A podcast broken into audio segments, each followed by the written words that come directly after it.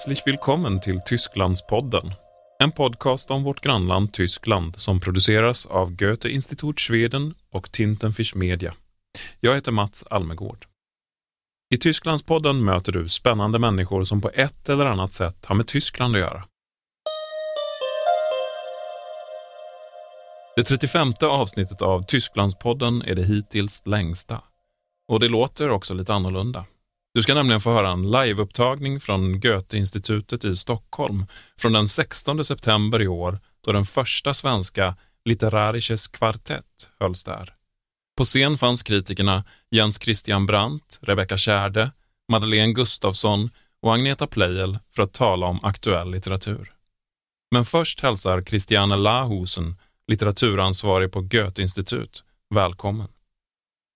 Das Literarische Quartett är ett tv-program som sedan länge haft stor betydelse i tysk kultur och litteraturliv. Konceptet är ganska enkelt. Fyra personer tar med sig varsin bok till varje sändning. Sen diskuteras böckerna inför en entusiastisk publik. Deltagarna är mycket kompetenta. Mellan 1988 och 2001 satte exempelvis den legendariska kritikern Marcel Reich-Ranitzky sitt prägel på tv-programmet. Hans bitvis ganska brutala stil och kanonbildande ambitioner gjorde att han ibland betecknades som litteraturpapst, litteraturpåve. Samtidigt har de livfulla samtalen i dess litterära kvartett både vitaliserat och populariserat litteraturens ställning i tyska offentligheten. När vi nu lanserar vår egen svenska litterära kvartett här på Goethe-institutet är syftet förstås inte att utse några nya litteraturpåvar Istället vill vi helt enkelt genom att föra samman fyra framstående kritiker här på scen tillsammans med er alla ta del av ett fördjupande och förhoppningsvis också underhållande samtal om litteratur där verken snarare än författarna står i centrum. Viel Vergnügen mit dem ersten literarischen Quartett.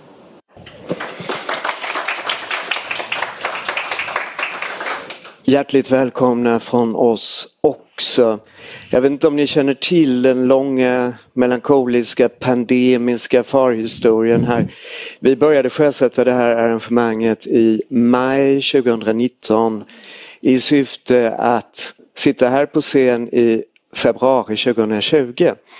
Det var precis de dygnen, jag minns inte, jag har förträngt de exakta veckodagarna, det var de här konstiga dygnen när det stod och vägde eh, Christiane Lahusen från institutet som har spelat en stor roll med att utveckla den här idén och jag, vi var någon slags tjänstgörande virologer och skulle avgöra om det fanns en pandemi eller inte.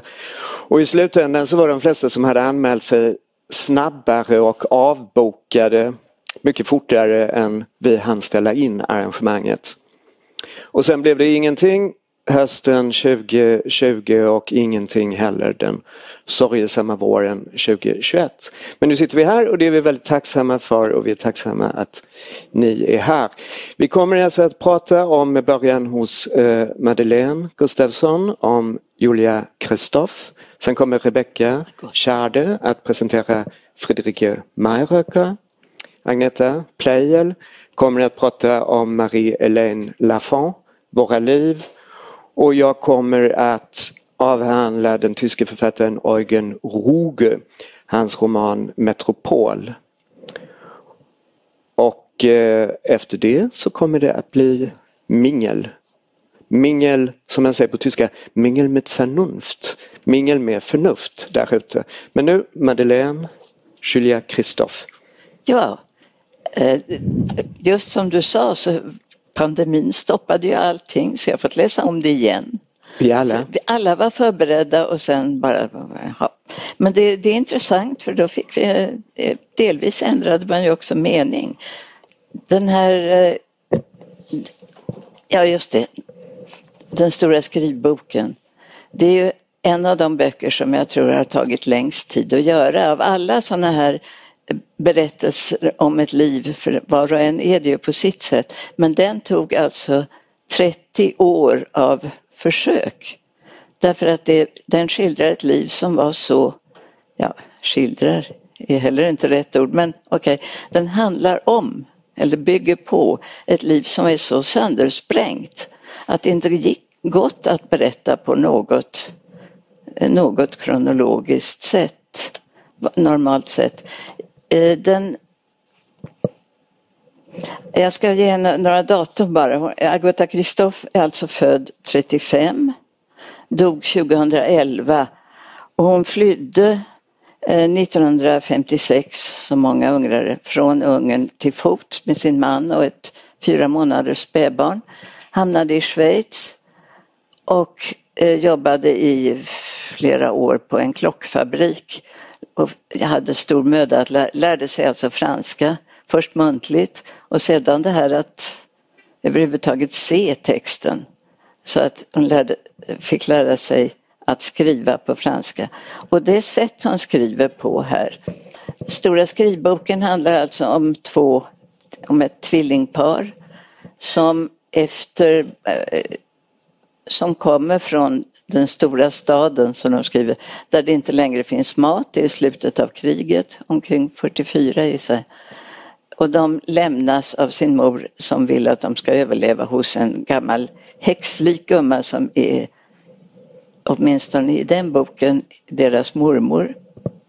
Och där de får arbeta hårt för att överhuvudtaget få mat och sova. Och det intressanta med den boken är alltså att de det sättet som hon skriver och det beror alltså verkligen delvis på att hon skriver på ett främmande språk men också på en högst eftersträvad distans. Hon skriver i korta, nästan telegramartade meningar eh, subjekt, predikat, färdiga satser, punkt. Aldrig ett värderande adjektiv. Inga värderingar någonsin. Och det, ja, det, det, det har en väldigt märklig effekt. Detta. Och plus att subjektet alltid är vi. Det är de här båda tvillingarna. Detta subjekt löses sen upp i andra romanen i beviset. Är det han? I den tredje är det ett jag. Och märkligt nog att när det zoomar in på ett jag så blir det i gengäld mer och mer upplöst. upplöst. Så man vet inte vem om det överhuvudtaget har varit en person, två personer eller någon ens som inte längre har någon, något vittne till sig själv och alltså inte vet vad hon, hon han, vi är längre. Ni kan se här, det här är första sidan, ankomsten till mormor. Den är, den är oerhört saklig genom hela. De här pojkarna får alltså arbeta hårt, de övar sig. De har en serie övningar för att stå ut. De övar sig i att uthärda smärta, slår varann. De övar sig i att stå ut med förödmjukelser, kalla varandra för de saker de kallas. De, och de, det är konstigt nog är det ändå, fast det är en isande och väldigt, ja, väldigt otäck skildring av krig eh, ockupation. Eh, det, det på sätt och vis är det helt eh, realistiskt. Det, man kan räkna, se på datum precis, även förintelsen, den, en, transporter från 44. Allt är med, men på ett egendomligt sagoaktigt sätt, nästan som en Bröderna Grimm-saga också. Det nämns ju inte ens att det är andra världskriget, alltså, eller var det? Fast det förstår man, men det nämns aldrig, nej. Nej. Så det har ju antagit en mytisk form. Ja, sagoaktig på något vis, men i så fall en mycket grym saga. Mycket grym. Ja, det ska sägas att den är ju oerhört grov. Det är väldigt mycket våld och det är väldigt mycket sexuellt våld mot ja. egentligen alla inblandade. Eh, men just i och med att de har, de har liksom en, de formulerar en poetik kan man säga, för det är också så att boken är skriven som att det är de här två bröderna att de har då sin skrivbok och de skriver i den och det hänvisas till de här kapitlen. Liksom, ibland så står det att de skriver på ett kapitel som heter så här, en uppsats som heter så här och sen så kommer det ett kapitel med den rubriken. Och sånt.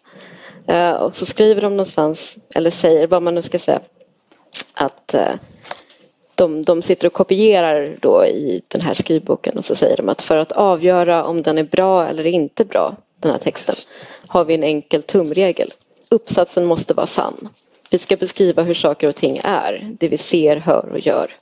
Det är till exempel förbjudet att skriva mormor liknar en häxa. Men det är tillåtet att skriva folk kallar mormor för häxan. Och så, ja. Det är väldigt effektivt med den här distansen och det här våldet på en och samma gång tycker jag. Som är väldigt otäckt eh, är ju inte bara de här övningarna i att, vara, i att bli hårda, att tåla, att stå ut allting. Det värsta är det där när de övar sig i att inte, att inte känna. De övar sig i att säga sådana vänligheter som de aldrig längre får höra tills de blir meningslösa. Men om vi nystar upp det lite, alltså det börjar med den här stora skrivboken och eh, viktigt då tvillingar som talar i vi-form. Och sen, Madeleine, hur ser du på det? Sen är, sen är det på något sätt, sen är det redan historia eller relativiseras i nästa del varpå sen den tredje delen relativiserar både den första och den andra delen. Det handlar ju väldigt mycket här om vad som är sant, vad som faktiskt har inträffat. Men tredje delen går ju verkligen emot uppgifter i den första delen så man börjar, man börjar undra om allting äger rum på ett mentalt plan. Det gör det inte för att det är så konkreta detaljer. Men det är i alla fall en typ av eh, tillbakadragandet av det som brukar kallas eh, författarens kontrakt med läsaren. Eh, man, man, man vet inte riktigt var man befinner sig. Det är oavbrutet fascinerande men, eh, men det är en tillbakadragande av eh, fakta. Ja, och hon, dölj, hon döljer ju inte det heller. Jo, i den första, den är den som är mest rakt berättad ändå. Ja. Men eh, och där, där är, för, eh, är ju ändå fiktionen den att det är pojkarnas egen skrivbok och att de anstränger sig att bara tala sanning. Men redan, och så skiljs de åt i slutet, men redan nästa är det bara en. Och eh, småningom tänker man sig att det är en fan, fantasi. Hur hade det blivit om en eller no, hälften stannar kvar? Han, han, är den som stannar kvar. Och det, det blir mer och mer en känsla av att det, att det, det är en, ja, det, en, en fantasi. Men då får jag fråga dig Madeleine, för det har jag grubblat över. Eh, Eh, om, om, om kanske redan den första berättelsen med de två ganska små pojkarna mm. eh, egentligen är en inre dialog. Alltså som, mm. som barn kan ha en fantasibror eller fantasisyster. Eh, Visst. Om, om, om, om det visar sig att alltihopa är en berättelse om ett psyke. Som handlar väldigt mycket om att skrivandet är en sorts dubblering. Ja. Det är ett sällskap, det är, det redan detta vi. Fast det är en så otäck bok så är den den mest hoppfulla av alla tre därför att det finns detta vi. Ja. Det finns en yttervärld. De lär sig ändå saker, de berättar och de ser och de iakttar. Jag säger dem för att det är, ja. subjektet är ett vi. Men eh, man förstår ju att det är det är en inre dialog. Ja, därför, och, i och den de här andra, pojkarna ja. de heter ju Lukas och Klaus. Som är ett anagram. Som, som är, vad, heter, vad heter det nu när man, eh. alltså det är samma bokstäver. Ja. Eh, som om det vore ett namn. Och sen blir det, löser det upp sig mer och mer. I den andra är det Lukas, i den tredje är det Klaus. Men man vet aldrig riktigt och de, eh, de söker efter en enhet som de aldrig kan ja kan finna och den blir också mer och mer uppgiven.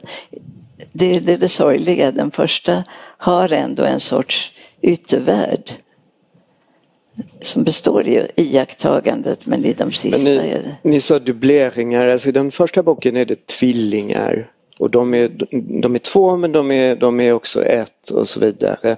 Men sen tycker jag kanske man kan tolka det så att de här dubbleringarna projiceras sen på andra personer. Man blir, alltså det, det, är ju det är små pojkar i början, sen blir man förvånad över att det har gått mycket tid mm. och de här, om det är en eller två personer, är ganska snabbt sen ganska grånade män med alkoholproblem till exempel, med allt möjligt. Och, och just det här grånade män med alkoholproblem som sitter någonstans och försöker skriva en bok. Det projiceras sen ut på alla möjliga andra. Det finns en, en bokhandlare till exempel när pojkarna är små så går de till en bok och pappershandel och tigger där papper och pennor. De har inga pengar men de tigger detta. Och eh, så småningom så lär man då känna den ursprungligen ovänlige, eh, frånstötande bokhandlaren och då är han någon slags författare med alkoholproblem men som kanske också är en projicering av de här pojkarna. Någon slags jo, dubbel, alltså det, vimlar av dubbelgångare. Ett medvetande som vidgar sig. Men det är ju oavbrutet fascinerande. Mm. Hon är, hon, man, det är ju en bladvändare. Ja, det är så skrivet att det är som, ja, som ni vet den där i Calvino eh, som ja. ständigt avbryts och så börjar en ny historia. Och ändå tror man man trillar dit varenda gång. Ja. Mm. Och det gör man, man tror på det. Fast hon hela tiden, först är det dubbleringen, sen är det klyvnaden, sen är det en allt större trötthet, att för, ett letande men ändå så tror man på ja, det, det, som berättelse hela tiden. Bok och det är ju väldigt sorgligt att hon inte fick eh, överleva och se vilken framgång eh, de här böckerna har haft.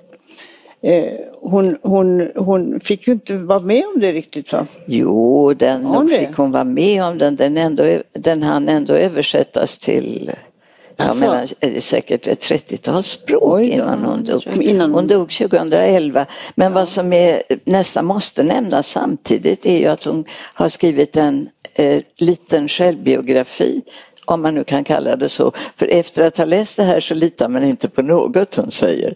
Men det här är i alla fall något slags självbiografi som handlar om Ja, där finns alla beståndsdelarna igen.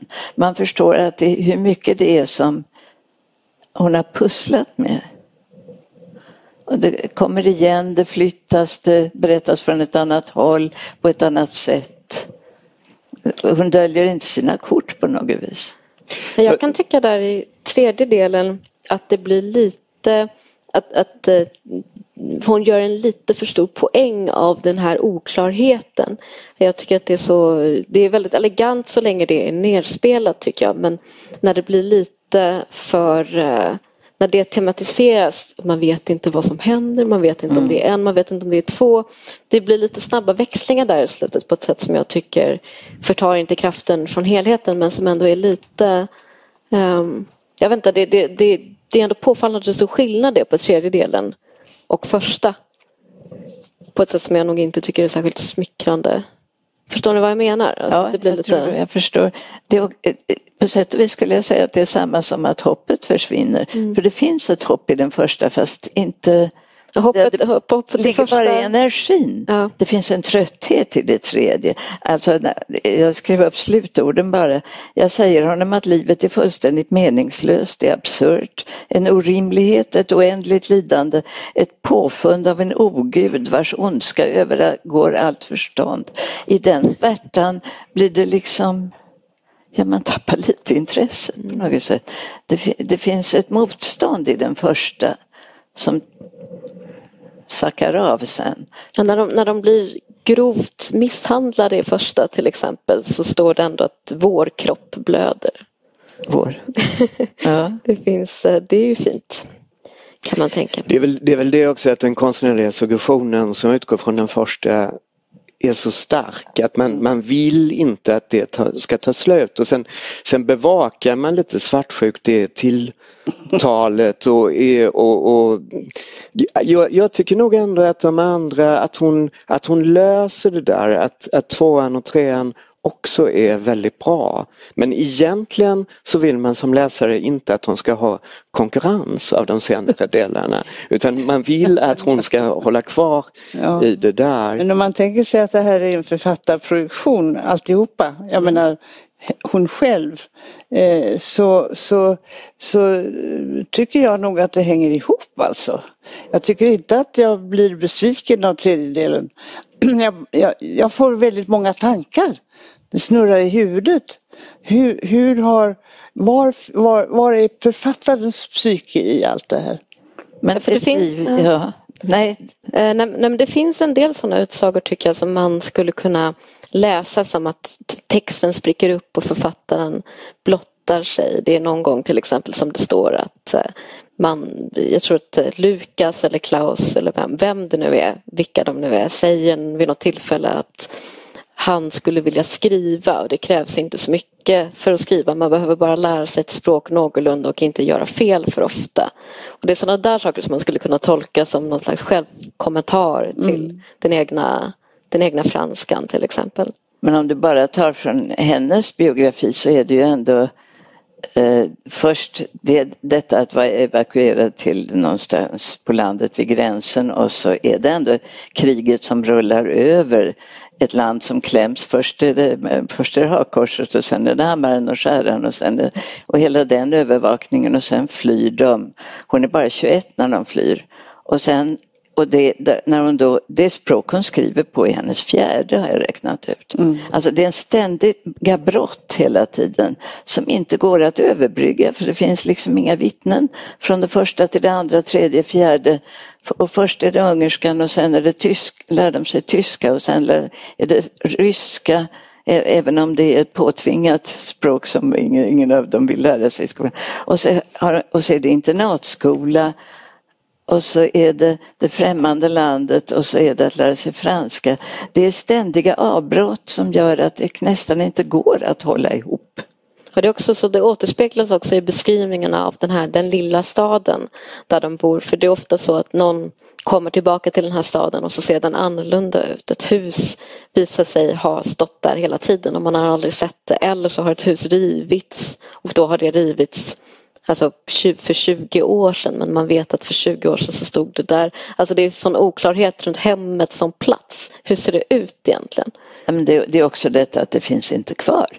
Det, det, det, är något som tematiseras väldigt mycket i den tredje. Det går inte att återvända för det som man längtar till. I den mån det alltså har funnits så finns det i varje fall inte kvar. Så det, men hur, hur, hur, hur, konkret läser ni det som en berättelse om eh, om, om första andra världskriget och sen eh, kalla kriget och allt vad det eh, alla följder för människor. Här är det också en fam familj som splittras om man läser det, splittras många gånger om. Om man väljer att läsa det på olika sätt. Ja. Och då, då är det ändå en väldigt, väldigt övertygande historia, är det inte det, om också om Östeuropas lidande? Det är också mycket intressant hur de här nu säger, säger jag åt pojkarna, men hur de bygger, utan ett ord av värdering, adjektiv och så, bygger upp ett slags moral som är egendomlig men ändå mycket tydlig. Till exempel Ja, nej, jag ska inte... men, men en, en, en avslutande fråga här bara med könsrollerna. Nästan alla med någon typ av agens här är män. Först är det pojkarna och sen, sen är de, eller han, vuxen, vuxna. Och så är det, det är den här bokhandlaren, det finns någon partimedlem och så alla som kastar skugga är män medan kvinnors lott ofta kan vara att bli ihjälslagna. Bokhandlaren slår ihjäl sin fru och så vidare. Vad. Hur ser ni på det? Jag vet inte hur man ska svara på. Nej men visst är det märkligt, ja, det är en tydlig manlig dominans. Det finns ju en del kvinnogestalter där som eh, är lite starkare. Bibliotekarie, eh, ja och själva mamman. Och, eh, jag, jag menar, hon blir ju visserligen ihjälslagen. Ja, och lärarinnan också. Ja, lärarinnan. De sprängs, det var de gör. De ja. sprängs sönder. Man får ju säga att den här häxan har agens. Den här vidriga mormor som ja. kallar dem för horungar och sånt. Ja, ja. Det, men jag har nog tänkt på det som en återspegling av näringskedjan lite grann. Att det är, ja, kvinnor har inte så mycket att säga till om i det här samhället. Eller liksom, ja, kriget har inget kvinnligt ansikte och så vidare. Helt ond är hon inte heller. Det är vi som... Eh, det står ju aldrig om någon är ond eller god, det får man bestämma. Men hon råkar tappa alla sina, alla sina äpplen när den där eh, transporten drar förbi till exempel. Ja, det var ju gott av henne. ja, gott och gott. Det står inte att det är gott av henne. Nej. Men det står att de lappar ihop henne för hon får naturligtvis stryk och håller henne i handen efteråt. Att de knyter sig verkligen till den här mormorn. På sätt och vis. Det, ja. Jag tänkte, jag läste en, ehm, annan, en bok av en författare, en judisk författare som heter Aharon Appelfeld ganska nyligen. Där det är en lite liknande historia. Det är ett barn som överges av sina föräldrar som är liksom en mindre stad och den berättas och det är lite, det är strax, det är en judisk pojke och det är strax innan andra världskriget så man vet ju som läsare vad som kommer hända och så slutar den kanske 39 sådär. och den är väldigt, väldigt hemsk. Men den har också ett sånt barnperspektiv, den här pojken som berättar och det är väldigt lakoniskt. Eh, och jag märkte att jag omtolkade den boken i mitt huvud när jag läste Kristoff. Att jag började tycka jag slutade uppfatta den som lakonisk. Jag, slut, jag började uppfatta den här pojken i, i Appelfeldts bok som en liten mes. För att han till exempel gråter när hans guvernant blir mördad och sånt. Vilket ju aldrig de här, nej, nej. Lukas och Klaus skulle göra. Nej. Och det säger någonting om... Ja, de kan inte tillåta sig sån lyx. Nej. Men det var roligt Madeleine bara att du, du associerade till Bröderna Grimm för det tycker jag man gör men det är på något sätt det är liksom Hans och Hans som frivilligt flyttar in hos eh, häxan i pepparkakshuset mm och gillar det. Vi har pratat länge om Vi har pratat ja, vi länge, hur, vi rusar nu vidare till eh, Friederike Mayröcker. för likheter eller skillnader till Mayröcker som ju är en annan egendomlig författare. Ja det får man verkligen säga. Nu ska jag, jag har ansvar för den här tyvärr, för jag förstår inte riktigt. Men precis, Friederike Mayröcker. Eh, Alltså spontant, jag, jag försökte tänka på det för det har vi också funderat på om det finns, eller det har man väl tänkt på om det finns affiniteter mellan de här böckerna som vi har valt och sådär. Och eh, när jag läste om Mairöcker nu så tänkte jag på att det finns en rad där hon skriver om eh, mitt älskade franska språk som jag fortfarande inte behärskar. Och då tänkte jag aha, men det var också det, för det här det är ju väldigt annorlunda. Så Mairöcker det är en österrikisk eh, författare som dog, hon dog i somras, ehm, blev 96 år gammal, så hon föddes eh, 24. Eh, och är väl en legend får man väl säga. Som hon debuterade på 40-talet med dikter i olika tidskrifter och sådär och sen så har det väl i princip rullat på. Hon är extremt produktiv, det kommer saker hela tiden och det är, det är dikt, prosa, hörspel, och egentligen kanske inte så stor skillnad. Det känns som ganska godtyckliga genrebeteckningar när det gäller Mayröcker. Eh, men som man ser här på den här sidan, om man ser, det är lite oklart, men så är det en ganska speciell ortografi. Alltså det är de här, det är mycket kursiveringar, det är mycket vissa ord i versaler. Eh, och det är liksom texter som man visuellt känner man igen dem så fort man öppnar en bok av Mayröcker. Man ser liksom hennes uttryck väldigt tydligt. Och eh, den här då, Patos och Svala, den kom på tyska 2018 och på svenska året efter tror jag. Och den är översatt av eh, Ulla Ekblad Forsgren som har översatt ganska många böcker av Mayröcker till svenska. Och det är fantastiskt bra översättningar ska sägas. Det är verkligen jag har märkt själv att jag har svårt att veta, jag vet inte riktigt vilka böcker av Mayröcker jag har läst på vilket språk för att svenskan ligger så himla nära tyskan eh, men på ett väldigt, väldigt effektivt och bra sätt. Och ja, nej men den här boken det är ju handling är ju lite förfelat uttryck tror jag men, men en ram i alla fall här är att Mayröcker, författaren Mayröcker som också är eh, textjaget Mayröcker så att säga ligger på sjukhus. Hon, hon tillbringar elva veckor tror jag på sjukhus sommaren 2015 eller sådär. Och det är ju uppslitande för alla naturligtvis men, men jag tror med Mayröcker ska man veta att hon, hon skriver konstant och det finns fantastiska fotografier från hennes arbetsrum. Har ni sett dem? Där hon sitter. Man ser liksom ett litet troll någonstans i bakgrunden och så i övrigt så är det bara papper och lappar och böcker. Och det är liksom, hon kallar det för sin zetteldasein, alltså sin typ papperslappstillvaro. Och, eh, och det är bara liksom, man, man, kan nästan höra det här liksom flaxande ljudet från de här lapparna som hon liksom hela tiden sitter och skriver på på sin skrivmaskin. Och det är väldigt jobbigt för henne att transponeras då till den här sjukhussängen där hon inte kan skriva. Så hon skriver ju ändå, hon hittar ju alltid ett sätt men hon rycks upp ur sin mylla. Liksom. Så det, Och det finns som någon slags ackord i den här boken att hon är där. Men hon skriver och hon får besök av olika vänner. Ofta liksom yngre författare, eller alla är ju yngre. Eh, men olika tyskspråkiga författarcelebriteter som hon har någon slags eh, själsvänskap med. Och eh, i övrigt så, alltså Majruk, det, det, det är ganska, det är en sån, den sortens författare. Är den här, funkar den nu? Eller? Jo. Den funkar, ja. Det är ganska svårt att skilja de enskilda böckerna från varandra för att det handlar så mycket om att hon har liksom ett flöde och så när man läser henne så stiger man ner i det flödet och så finns det saker som återkommer. Till exempel eh, blommor är ett väldigt vanligt motiv, en väldigt lång parad av olika sorters blommor. Och det är mycket referenser till hennes, eh, till hennes eh, alltså musik, konst, litteratur, hennes själsfränder. Derrida till exempel återkommer ofta. Och det är något sånt liksom, någon slags jazzstruktur i hennes texter. Att det bara det liksom spritter hit och dit. Eh, och man fattar inte riktigt. Alltså det handlar om att liksom ge sig hän det här flödet i, i väldigt hög utsträckning. Och, och jag tycker att det är underbart. Alltså jag tycker Myrker är um, jag, jag, blir så fruktansvärt lycklig när jag läser henne. Det är nog en av de författare som jag känner den, den här liksom sprudlande lyckan. Outtömligheten. Ja, allt kan hända. Det är det man känner, det är ett myller liksom av allt. Associationer, människor, citat, minnen, tavlor, musik, eh, lappar, ditt och datt. Hon skriver någonstans att jag, har, jag får inte nog av detta liv, det är så vackert.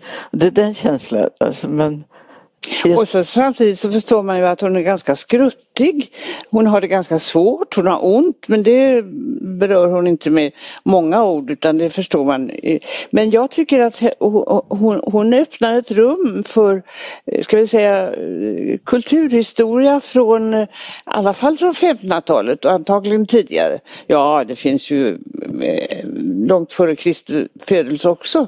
Men, men hon har, det, det, det är ett mentalt rum som innehåller allt som, som Europa har innehållit eh, på en gång.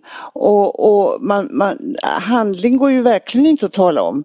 För det är ju uttryck, emotioner, det är, det är att pinpointa olika saker som har betytt något för henne. Och sen är hon ju så fantastiskt beundrande hon korresponderar ju med yngre författare, Marcel Bayer som är en ung tysk författare. Eh, Derrida är betydligt yngre än hon, också en sån där återkom. Eh, hon, har upprättat någon sorts kommunikativt rum eh, för alla om man nu vill följa henne. Mm. Ja men verkligen, det, det, överhuvudtaget så är det ju alla skrankor monteras ju ner på något sätt, mellan, också mellan li, liv och dikt och skrift ja, och kropp. Och det är något som, jag tycker att det händer något intressant i just Marcus författarskap när kroppen kommer in i bilden för att man tänker att alltså hon är så fruktansvärt textbaserad och då det finns något kontraintuitivt i att det då att det finns en kropp som frambringar detta. Att det finns någonting som kan dö liksom, för att det är så mycket det är så mycket text. Samtidigt som för henne så är text också liv och jag tänker att där kommer också blommorna in i bilden. Att det är någonting organiskt hela tiden. Att texten liksom andas. Det finns något kroppsligt i själva rytmen också. Det finns något så oerhört eh, jag ska säga, icke-hierarkiskt i hennes, ja, eh, det, det, här hon nämner och skriver om. Det är, en är det Derrida och, och och hela det här myllret av eh, författare som passerar från alla tider. Och sen är det eh, varseblivningar av, ja hon skriver hårtorken som en vind som omlindar henne. Och du som nämnde kroppen och dess skröpligheter och sånt. Det finns absolut ingen över och underordnad. Hon talar på ett ställe, det var, jag tyckte det var så lustigt bara, hon säger om eh, Movicol. Att det, det, det blir, ser ut som snö i koppen. Det blir en ny årstid och så far det iväg igen med associationerna. Jag hajade till när ordet hookup-kultur dök upp. Ordet hookup-kultur Man förstår, det här är liksom någon tidningssida som har svirrat förbi och så sugs det in i den här liksom. Ja. Men sen finns det ju också riktiga personer, alltså hon var ju gift i bortåt 50 år med Ernst Jandl, en, en poetkollega. De bodde i samma hus tydligen och, och ringde till, bodde tillsammans men i samma hus och uh, frågade varandra varje morgon hur natten hade varit. Hon har ju svårt att sova, uh, Fredrike. Uh, och, och, och hon diskuterar med honom och när, i den här boken så är han ju död. Och det finns ju en väldig smärta i detta. Eh, hon erinrar sig olika små episoder som har hänt med honom. Och den enda fotot i boken framställer de två på ett krog. Och hon är jätte jättesömnig och håller på att falla i sömn hela tiden och han bestämmer sig för att betala. Och det är det enda fotot som finns och det är liksom ett helt liv, ett helt äktenskap i detta. Och sen är det ju hennes föräldrar, hennes mamma, hennes morfars far som hon aldrig har träffat. Jag menar det pågår en familjediskussion tvärs igenom eh, den här röran, för det är ju verkligen en röra. hennes som, som, som man får liksom, för, man, man började googla på alla namn hon nämner, de är otaliga. Och de finns ju allihopa. Och hon har haft relationer till dem allihopa. Men hon tillåter ju bara sådana här glimtar eh, av dem så att man förstår att det fanns en relation och en kommunikation. Och jag tänkte när jag läste den här nu för andra gången eh, och jag har läst hennes tidigare böcker på svenska också. Eh, så så tänkte jag att, att hon får mig att känna eh, dessa två verkligheter, alltså fantasins verklighet och den som vi kallar verkligheten. Hon fick mig att känna hur, hur oerhört instängda vi är i den vanliga verkligheten när hon har en, ett medel att ta sig ut ur den och hålla sig där. Ja, alltså, eh, den, vår vanliga verklighet verkade plötsligt vara ett, en, en, en bur, ett fängelse. Eh, och, och, man kunde bara avvända henne som, som, som, som på detta sätt tar sig ut ur den verklighet som förslavar oss allihop. Ja, men du, du sa röra och innan dess sa vi brist på hierarkier och så. Men det, det är ju ändå någon pågående gallring som sker hela oh ja. Det finns någon hemlig, hemlig kompositionsprincip. Vad, vad, vad, tror ni om det? Vad är det också som, och det, och det skiljer ju också böckerna från varandra. Eller hur? Att den, den här boken är detta eller hur, hur ser ni på det? Ser ni, ser ni det som att det så att säga finns, finns väggar mellan böckerna? Eller är hennes diktsamlingar inte för mig, en, men det kanske ni ser på annorlunda. Inte för mig, jag, jag, tycker hon, på, hon lever i detta flöde ja. eh, decennium efter decennium. Jag tycker det finns en del skillnader. Det är olika från bok till bok men vissa, det, det är ju ingen som är strängt komponerad så, det kan man ju inte påstå. Men det finns ju till exempel en del så diktböcker där det ändå förekommer kortare texter med ojämn högermarginal. Så, där det inte är liksom det här flödet utan där det snarare, alltså satsytan är annorlunda. Men eh, alltså tematiskt och liksom motivkretsarna och så uppfattar jag som ganska identiska från bok till bok. Ja, det är en rörelse hela tiden mm. och en viss rytm i det. Men, och att det, föränd- att det att det är olika böcker beror ju också på att det händer olika saker, hon åldras, hon träffar andra människor. Men det, det är liksom etapper ur en ständigt pågående rörelse. I den här boken som, som nu Rebecka talar om, eh, i den så har hon ju dateringar. Så man ser vad hon har skrivit en dag och sen tar det tre dagar och sen kommer det ny och sen tar det fem dagar. Och, så kom, och, och, och, och, det är, eh, jag, jag, menar, jag vet inte hur de komponerar men, men det tycks ju följa den rytm som hon själv Eh, upplever eh, de associationer som kommer till henne. Jo. Jag har alltid klumpat ihop henne och Lars Norén mentalt. Jag föreställer mig att de har lite grann en liknande skapande process. Och att, det är liksom, att den kanske är svår att isolera som en skapande process för att jag tror bilden man får när man läser dem är att det bara är liksom liv som strömmar ur dem ner på sidan. Och det är säkert en romantisk och enkel bild liksom, men det är åtminstone det intrycket. Att det är, så det är dateringar och det är någonting som bara kommer. Liksom. Hon säger, ja. Eh, det, det, det, har skrivit under, så blixtrade till ja. säger hon. Så blixtrade till som Hans och Greta, vad Hans och Greta hade att göra vet jag inte riktigt. Men i alla fall, och det ögonblicket måste man kunna invänta, allt annat är konsthantverk. Så det, det är ändå ett medvetet försök att inte konstruera. Och det är säkert lika också en konstruktion på sätt och vis. Jag menar också ett medvetet sätt att avgränsa skrivandet från det som ändå inte blir någonting. Ja, ja precis. Men jag, jag, tycker att det är roligt i den här boken att hon har, alltså, jag gör mig en väldigt tydlig bild av den fysiska personen Majröcker på det här sjukhuset när jag läser som är att hon ligger på någon sån sammetschäslong eller något kanske. Och lite grann så. Och sen så kommer de här yngre författarna, alltså det är som att hon har ett ständigt hov med, med ja. olika liksom, hovmänniskor som kommer och liksom läser för henne eller de, de diskuterar någonting. För hon är också väldigt dramatisk, hon hotar ganska ofta med självmord och sånt där. Hon ska kasta sig ut genom fönstret. Och det, det, är också, det, det är en bra det är liksom divan Majröcker tycker jag blir väldigt tydlig. Ja, de flesta av hennes, eh, eller väldigt många av hennes kontakter eh, är ju sådana som har sökt upp henne. Mm. Så det är sant. Eh, men, men det finns ju också, det finns ju också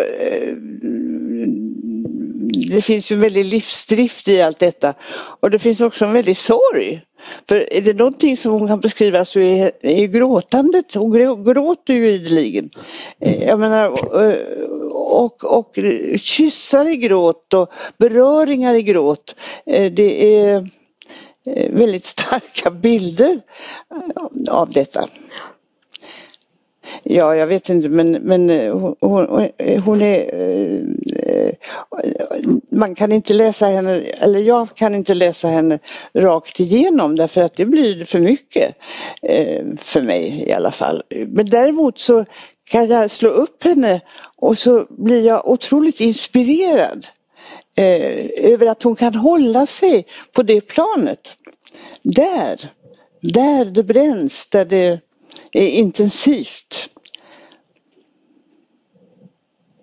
Ja, verkligen. För det, nej, jag håller med. Alltså det, det är ju så himla kompakt. Det, det, är så himla det är så många olika ord på varandra sida. Alltså det, jag håller med, man måste ta någon slags andnings andningspauser. Ja. Men jag vet inte, jag kan också föreställa mig att om man skulle sitta liksom, i en jävla stycke majröker, att man skulle gå in i någon slags trans efter ett tag. Kanske börja hallucinera. Vilket skulle kunna vara angenämt, jag vet inte. Orkar Men... inte långa bitar. Nej. ja, du kanske ska gå vidare. Du. Vi hastar vidare då till... Eh...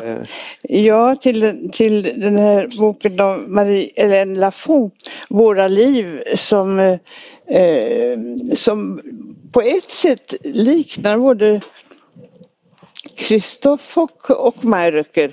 Eh, Maria Lafont Eh, hon har skrivit ett par böcker på svenska. Eh, jag har bara läst den här översatt av Jan Stolpe på ett underbart sätt. Eh, men jag ska läsa mer av henne. Och den är en monolog. Det är en kvinna som berättar hela historien i jag-form.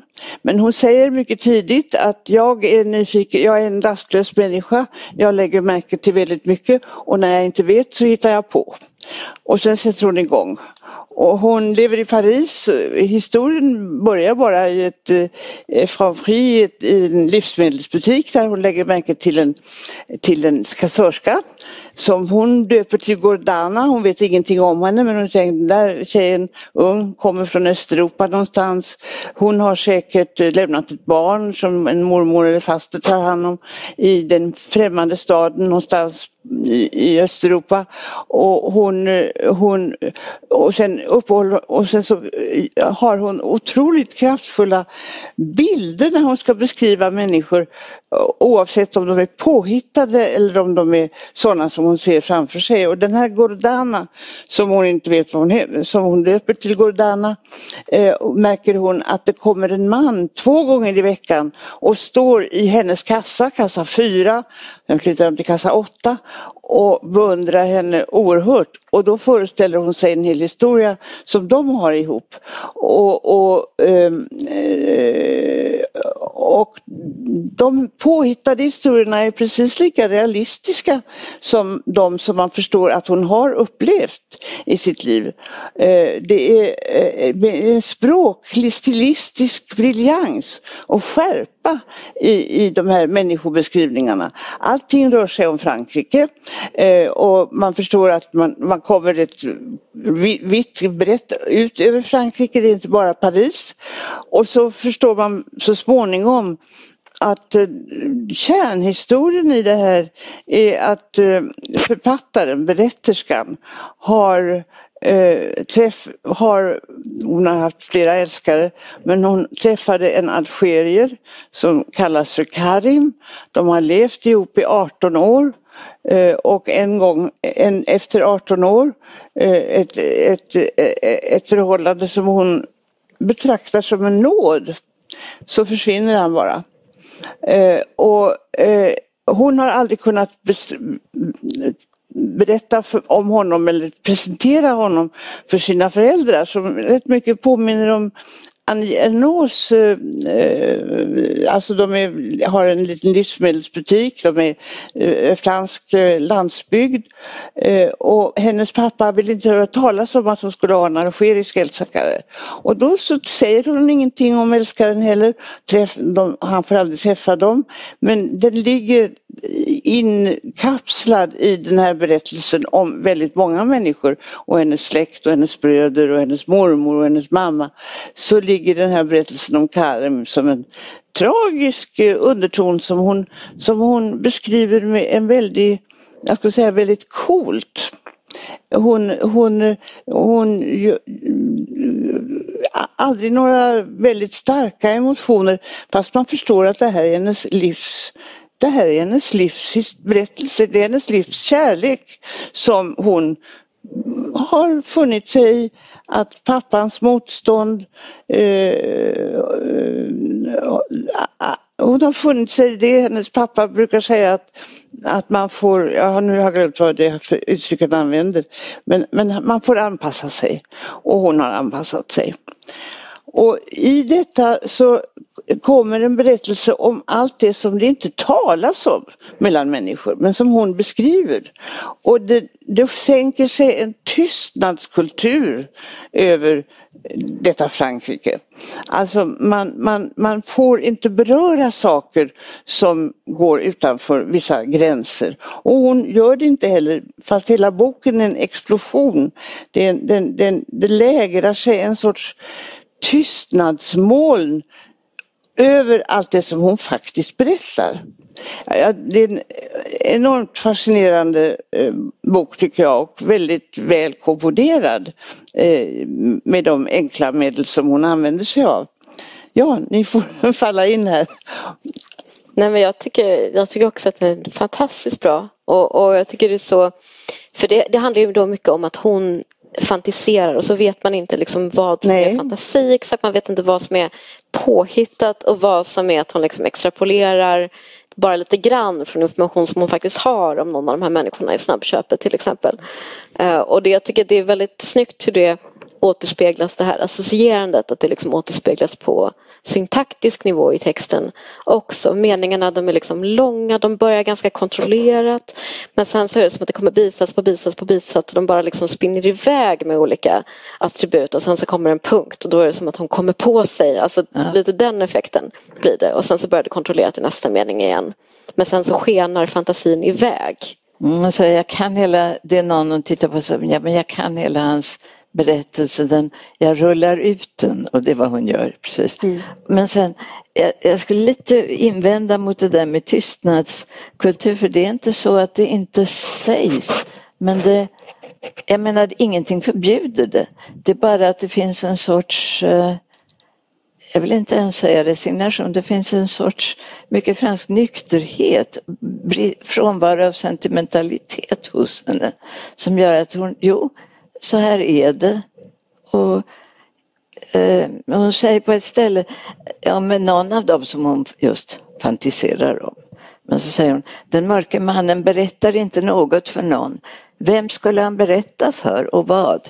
Ingenting existerade förblir dolt under orden, förborgat inuti, djupt inne i kroppen. Eller sånt där, vi är ensamma och kommer inte att bli hjälpta, men men är det inte en, en sorts tystnadskultur i alla fall? Ja, fast i så fall inte ålagd av Nej, nej, nej, nej, nej.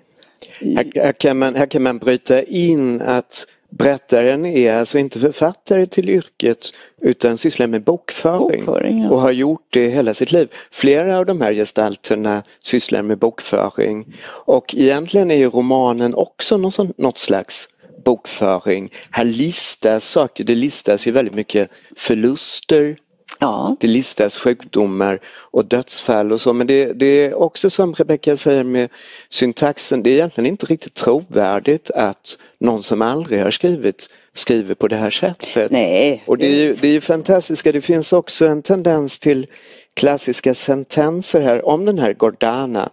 Det är alltså, jag vet inte om man ser det här på bilden, detta är alltså eh, vad heter det, kundvagnar som är inrullade i varandra. Så att i början är det snabbköp som dominerar och där jobbar alltså Gordana och där fantiserar berättaren ihop en kärlekshistoria mellan henne och eh, Horatio Fortunato. Horatio Fortunato som har någon slags eh, portugisiskt förflutet. Och det fina skriver hon där med deras förhållande Gordana. Gordana, hon har inte försökt revolutionera hans ungkarlsgarderob som kvinnor ofta gör.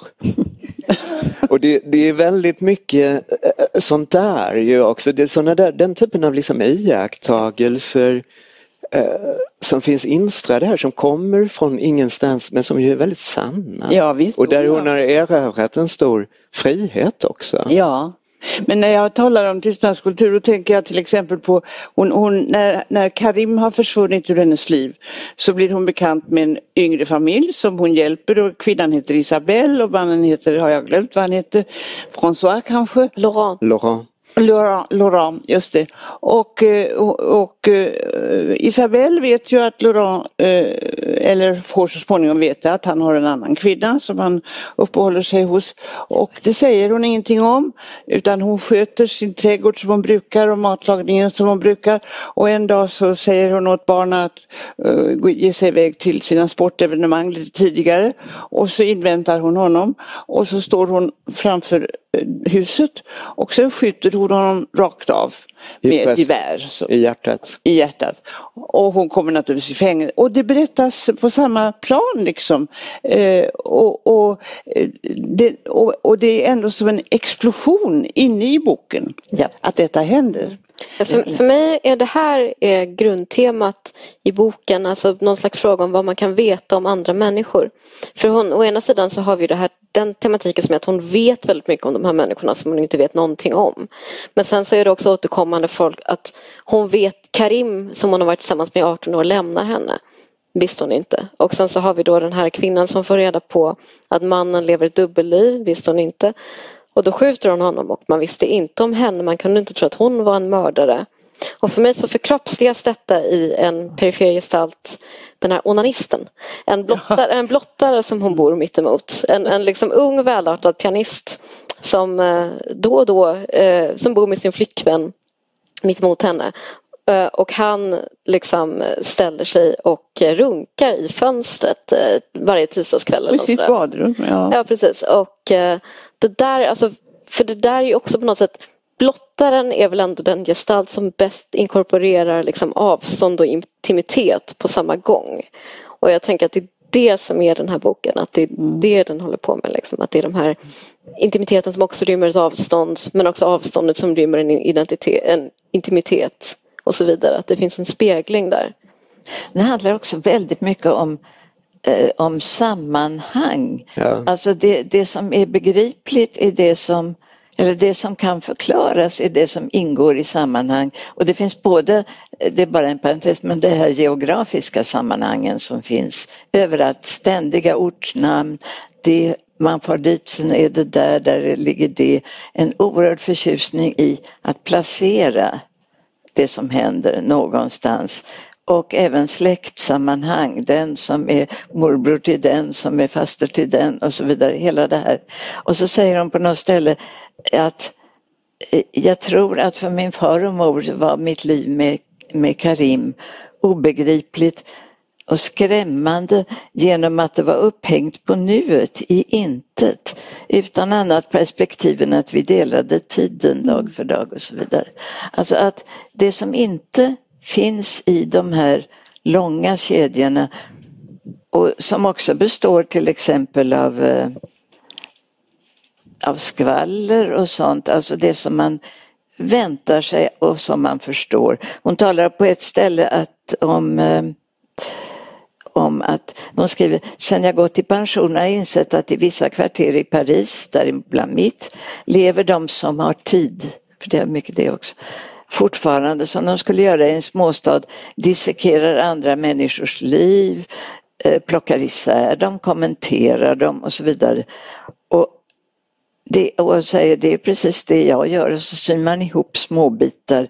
Alla gör så där sammanhanget och tiden finns. Men där det inte finns förstår man ingenting. Alltså det som bara är nuet, mm. det förstår man ingenting. Mm, men det, det, det varieras ju oavbrutet och om, om Karim heter det ju också, det är ju, hon, hon börjar ifrågasätta där ju mm. hur mycket hon visste om honom och det, det går så långt så att den kvinna som har kommit och hälsat på dem eh, Hans minst mor. kanske, kanske ja. en till två gånger årligen och som hon berättaren har varit ganska fäst vid för den här mamman från Algeriet hon, hon luktar så gott av eh, mynta och citron och så. Och eh, när Karim sen plötsligt försvinner då börjar hon ifrågasätta hela den här gestalten och är inte alls ens säker på att det verkligen var mamman. Det kan ha varit någon helt annan mm. kvinna som hängde ihop med Karim och i, i skarp kontrast till det så står då allt det här rituella, precis som du säger med, med sammankomsterna och det, är, det handlar väldigt mycket om sådana här årliga utflykter med familjen till havet eller kyrkobesök. Och det intressanta är också att detta liksom på tvärt emot det mesta som har hänt sedan 1968 så är, är detta då inte, inte liksom någonting, någonting Eh, eh, tungt eller, eller förkvävande utan, utan det är nästan en värld att längta tillbaka till samtidigt som det är den här pappans värld som inte tillåter Karim. Mm. Men det finns den här nostalgiska blicken tillbaka, en längtan. Men det, men det, är som, men det, men det är som ett bygge av borgerlighet eller ska vi säga bönder som har blivit borgare som, som, som befäster ett samhälle. Ja. Men det, det är underligt. Där oerhört under, explosiva saker kan inträffa. Ja. Men det, det, är nästan en förälskad blick på det där i backspegeln. När det, när det liksom är över så är det inte så skrämmande utan då kan man nästan leka med tanken att man, att man längtar efter de där banden. Och den, den ambivalensen tycker jag är väldigt jo, det, Hon hanterar den med stor eh, ömsinthet. Samtidigt så framställer hon ändå sig själv som någonting annat, alltså utmobbad ja. i men att hon ändå är någon slags grått får i den här familjen. För det, det är bara det är då idel revisorer som lever i par ja. och som har en massa blonda barn som, som springer omkring och så är det hon den enda som inte har någon partner. Hon, är, hon är en turist i den världen, hon gör en turné säger hon och Precis. hälsar på där. Hon är en feministisk föregångare, hon är den som bryter sig ur det här. Hon lever i Paris, hon lever som hon vill eh, med Karim och allt det här. Så att eh, hon deltar i den förvandling som hon samtidigt beklagar och ja, längtar ja. tillbaka från. Vi kanske släpper Lafon där. Vi kan, ja. Eventuellt får vi anledning att återvända till henne. Väldigt många av de här motiven går igen i den roman som har kommit nu den här försommaren eller sommaren, en sons historia. Eh, men då, då kommer vi till den sista. Om vi klickar fram här. Ja, ursäkta. Eh, den tyska författaren eh, Eugen Ruge han har en biografi som nästan skulle kunna vara uttänkt av Julia Kristoff. Han är, man kan läsa om honom... Agota. Agota. Förlåt. Ja. eh, man kan läsa om honom på Wikipedia och annorstädes. Han är född 1954 i Sovjetunionen i Sosva. Och det där är sant men det är också en eufemism för att Sosva är ett litet samhälle mitt ute i ingenstans i de västsibiriska träskmarkerna och ett ställe där man från slutet av 1600-talet och framåt eh, man har förvisat folk dit från Moskva, misshagliga individer, ofta minoriteter. Från och med 1938 var den här orten Sosva eh, en del av Gulag straffläger 239. Eh, och där placerades författarens far som var en tysk historiker och kommunist. Och där föddes eh, Eugen Ruge. Jag hoppas att jag sa 1954 nyss, inte 1952. Jag menar 1954. Mm. Han föddes där ett år efter Stalins död i alla fall och eh, pappan hade ursprungligen deporterats dit på livstid fick 1956 ändå någon slags benådning och fick då återvända till DDR och Östberlin.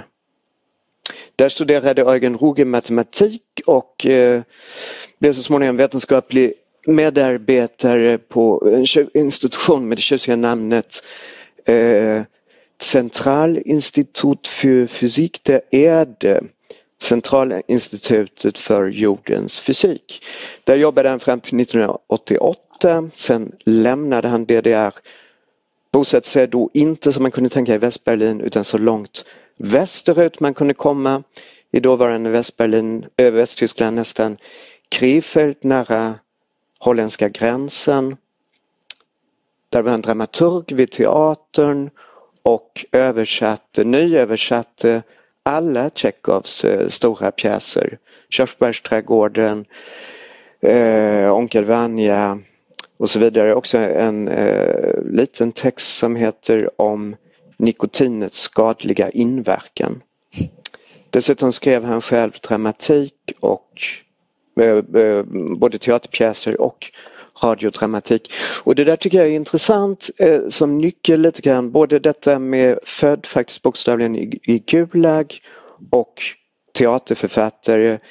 Eh, för det där märks sen när han går över till romanen. Med sig när han emigrerade från Östberlin till väst hade han redan 1988 åtminstone som någon slags rudimentär skiss det som Först långt senare, 2011, blev hans genombrottsroman Den tid då ljuset avtar. Eh, som är en eh, ett slags DDR Buddenbrooks.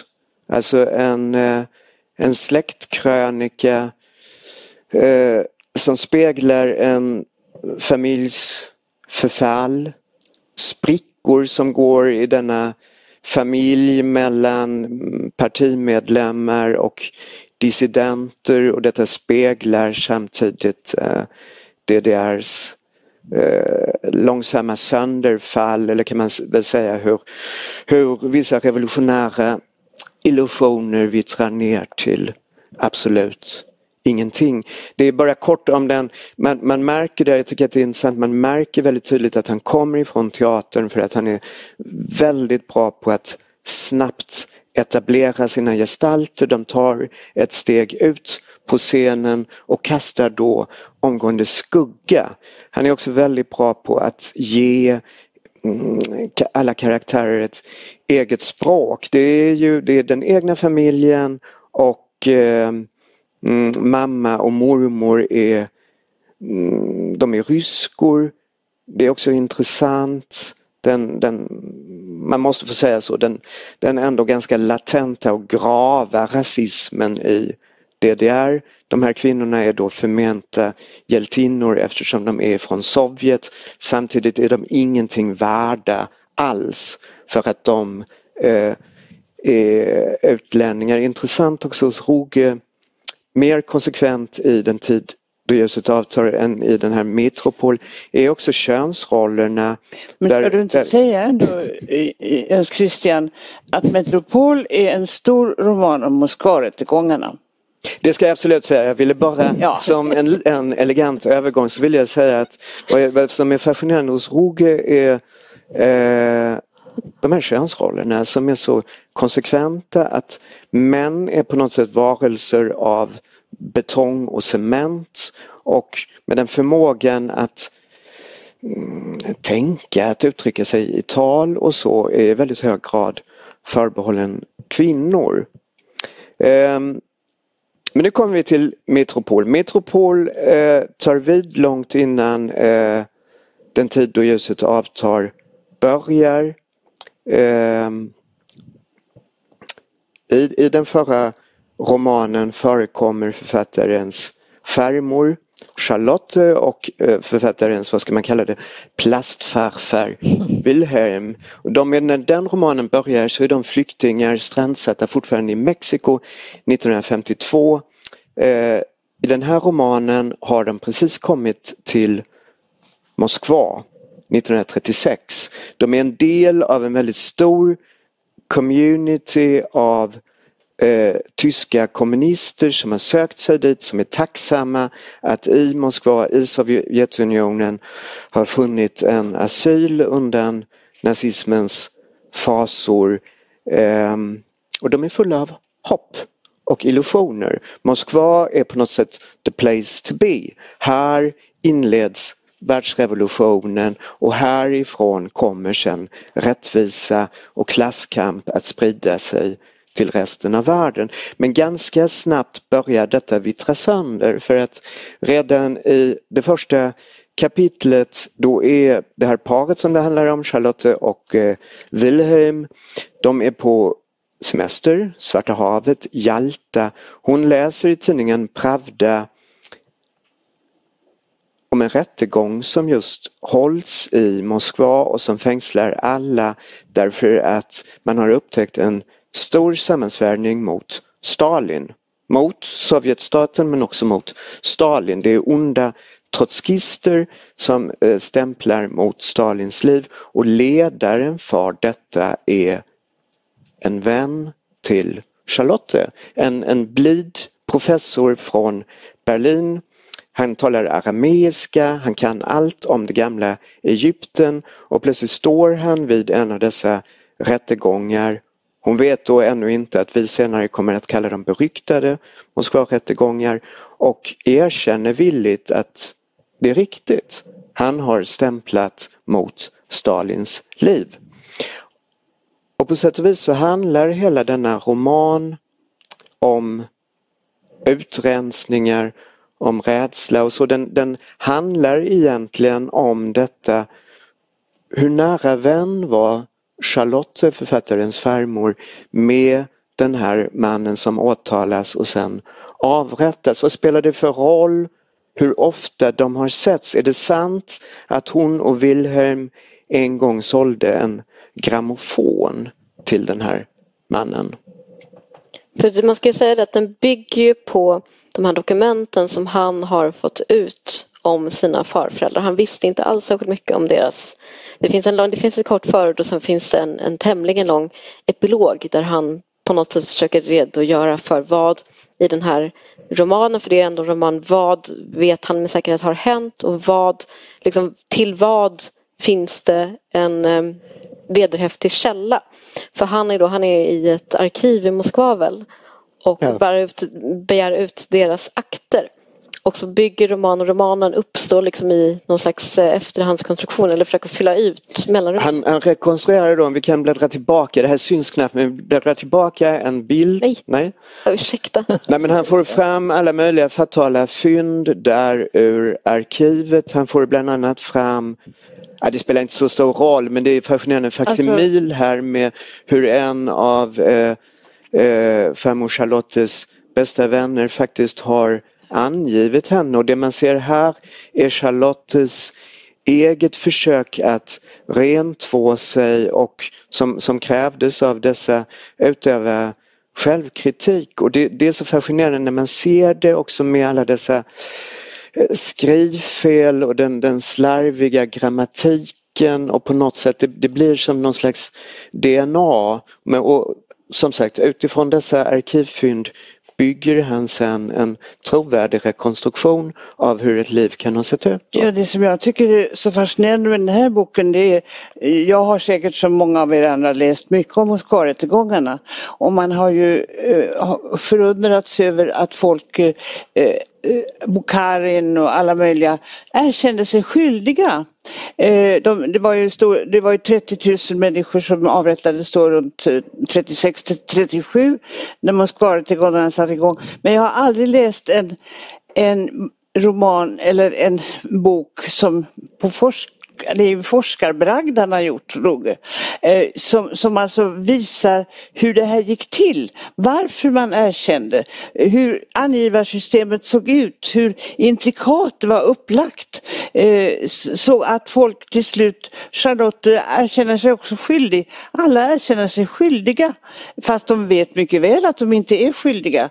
Men, men, men eh, angivarsystemet är så otroligt skickligt uppbyggt att, att att eh, ingen kan lita på den andra.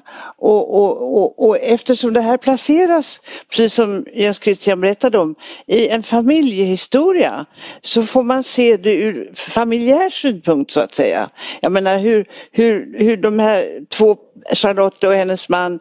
Eh, först arbetade de på Komsomols eh, avdelning för översättande av litteratur eh, och eh, plötsligt så ska, blir de avskedade och så placeras de på Hotell Metropol.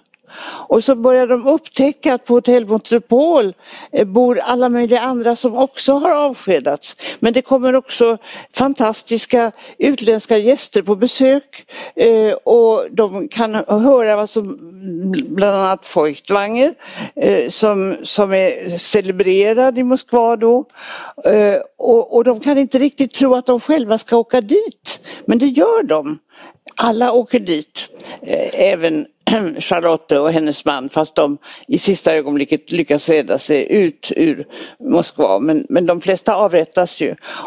Och, och då får man ju också eh, blick, bilder av åklagaren eh, som, som för, för vilken det är rutin att utfärda de här eh, dödsdomarna. Den ena efter den andra. Det går per minut så att säga. Ja. Eh, det, det, är skakande och en inblick, att han kombinerar, ska vi säga, familjeromanen med med de historiska dokumenten på ett fascinerande vis. Precis, för man ska säga själva scenen huvudsakligen i romanen är ju det här Hotell Metropol som är liksom ett lyxhotell mitt i Moskva. Och de, när de då um, sägs upp mer eller mindre. Eller de, det, det, är en sån här subtil uppsägning att de, de får aldrig liksom veta. De, de förstår bara att de inte är välkomna tillbaka på sitt jobb. Och det åt internt typ. Och det är lite oklart exakt varför men då får de istället då lyxen att flytta in i en svit på det här Hotell Metropol och de tänker att det här är nog temporärt. Eh, men så går tiden och Eh, så kommer det fler och fler människor från den här internationella kommunistkretsen börjar uppta de andra rummen omkring dem och då förstår man att okej, okay, de har också avpoliterats och vad har de gjort? Och man vågar folk inte... försvinner. Folk försvinner och man pratar inte med varandra för man vill inte i och med att det kan vara så otroligt farligt för en att visa sig ha ett vänskapsband till någon annan i den här kretsen för den är ju kontrarevolutionär. Eh, så pratar man inte med varandra utan man sitter i den här matsalen på Hotell Metropol och det, det är väldigt effektivt för att det där är en sån elegant miljö, det är kristallkronor och hon kallar det för vårt lyxfängelse. Liksom. Och i vanliga fall hade man aldrig haft råd att gå på Hotell Metropol och man, man, man borde vara så, det ser så underbart ut men det är, det är som ett förrum till döden. Och det blir som en bild av Sovjet att här har vi det ju egentligen så fantastiskt. Vad har vi att klaga på? Vi håller på att utrota fattigdomen, Det skjuter upp byggnader ur Moskvas jord. Vi lever i det bästa samhället som någonsin har existerat och ändå så är man så fruktansvärt rädd och man känner att någonting här är ju fel. Det är liksom, scenografin där blir en väldigt bra spegling av själva berättelsen. Jag vill bryta in där med ett citat för det är verkligen så att eh, på det här hotellet så samlas så småningom alla och det är väldigt många ur, ur den här internationella communityn och inte minst tyskar. Men sen är det en fransk sprätt eh, som de har rättat sig på tidigare, Gaston Prévost. Han är en sån som håller upp eh, eh, dörren för damer och det gillas inte i Sovjet. Plötsligt sitter han där och de blir då nyfikna, vad har han gjort? Och de skulle kunna fråga honom. Eh, det enklaste vore att fråga honom, men Wilhelm argumenterar så här. Antingen har han gjort sig skyldig till något och då vill vi inte ha någonting med honom att göra. Mm. Eller så har han inte gjort sig skyldig till någonting och då vill han inte ha någonting med oss att göra. Och så är det. Det är den här det är isoleringen där ständigt och denna rädsla och det är väldigt, det är väldigt skickligt gjort också. Det, det, det blir nästan mer Agatha Christie än Agatha Christophe i detta hur, all, hur de försvinner en efter en och det är, det är dörrar som plomberas och allt fler vänjer sig vid att nattetid sova med kläderna på. Och ett konstant finlir. Vad kan man säga, vad kan man inte säga, vad ska man tro, vad kan man inte? Eh, som är, det är alltså helt otroligt skickligt gjort. Hur, och, ja. och, som, och som karaktärerna jag också internaliserar. Mm. Därför att det, det, är en ständig dragkamp där jag vet vad sanningen är. Jag har inte stämplat mot Stalins liv. Men jag har kanske inte varit en god kommunist. Jag har kanske på något sätt beklagat mig över att Äh, det är svårt att få tag på skor i Moskva och så när, äh, när det är världsrevolutionen som står på spel. Det är en väldigt bra beskrivning av Moskva. Men det är också den här kvinnan som kommer på att den som stämplar mot Stalin egentligen är NKVD, alltså säkerhetstjänsten. Och hon lägger ihop mer och mer och mer och finner att detta, detta är faktiskt sanning. Och det här måste hon meddela någon och vem ska hon meddela det? Hon kan bara meddela Stalin själv. Och hur ska hon nå fram till honom? Och hon samlar på sig dokument och hon har eh, det här, eh, hon, hon tror på sin, på sin hypotes men hon är ju avrättad innan hon hinner göra någonting åt Innan hon hinner ringa Stalin, ja. Men den är också lite buskis ibland den här romanen måste man säga. Vad sa du? Den är, det är lite buskis ibland. Jag tycker för det är, det är några kapitel som är berättade ur den här chefsdomarens synvinkel. Ja. Och han är själv panikslagen för att han är inte utbildad domare. Han är ekonom. Men han är ändå chefsdomare i Sovjetunionen och han är rädd för att han ska bli avslöjad av den anledningen. Men det handlar väldigt mycket kapitlen om, om honom är lite plumpa för det handlar väldigt mycket om att han inte får ligga med sin fru. Och det blir liksom en sån lite sån här men jag, jag, tycker inte det är så mycket buskis för att så kan det ha varit. Han var inte så intresserad av att avrätta folk men...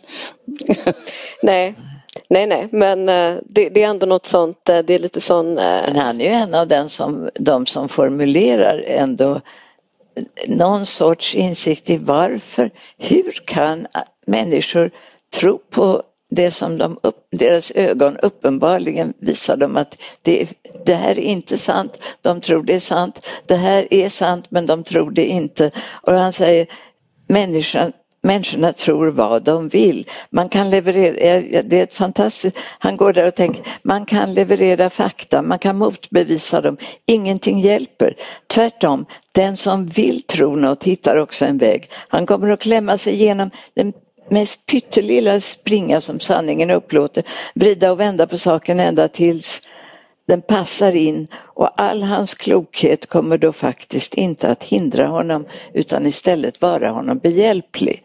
Och det, det, det, alltså det är en av de bättre formuleringarna verkligen av detta ständiga ansträngda självbedrägeri som människorna ägnar sig åt för att, för att rädda sitt förstånd egentligen.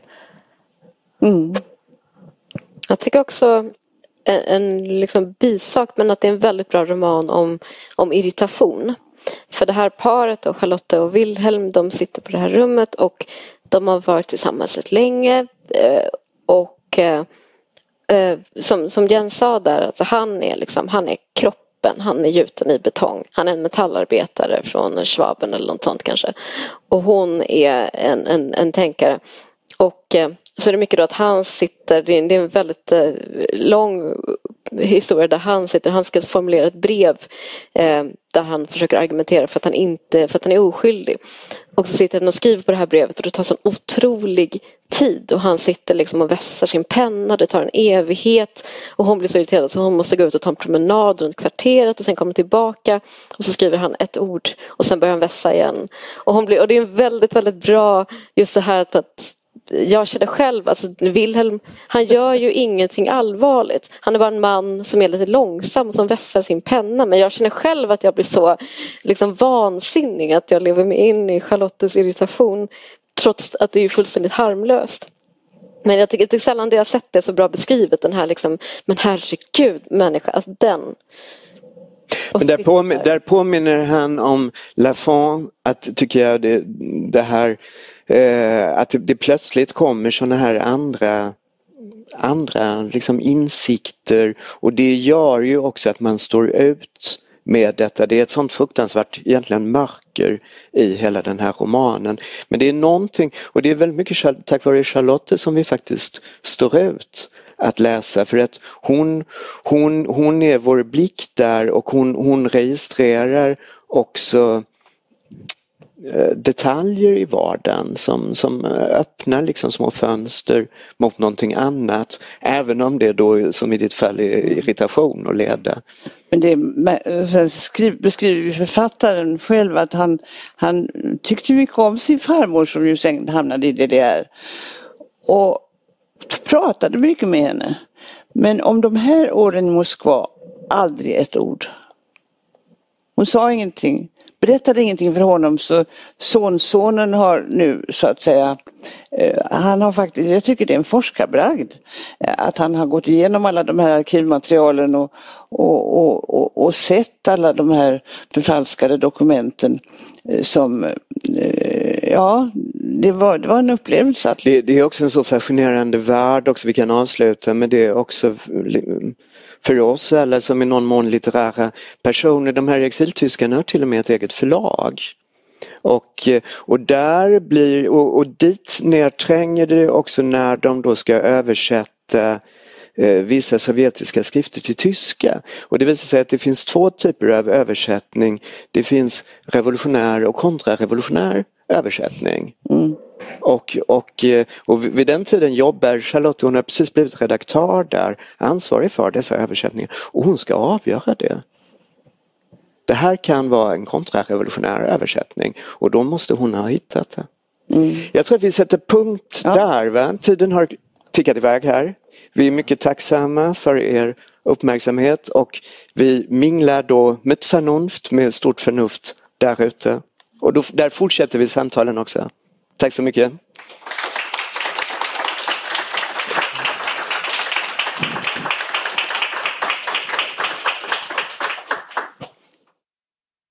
Du har hört en liveinspelning från Goethe Institut Sweden från den 16 september 2021. Tysklandspodden är slut för denna gång. Tysklandspodden produceras av Tintenfisch Media AB för Goethe Institut Sweden. Ljudproducent är Andreas Tilliander. Har du förslag på någon som du vill höra i Tysklandspodden? Mejla info-stockholm-goethe.de och berätta det. Vi hörs snart igen. Auf Wiederhören!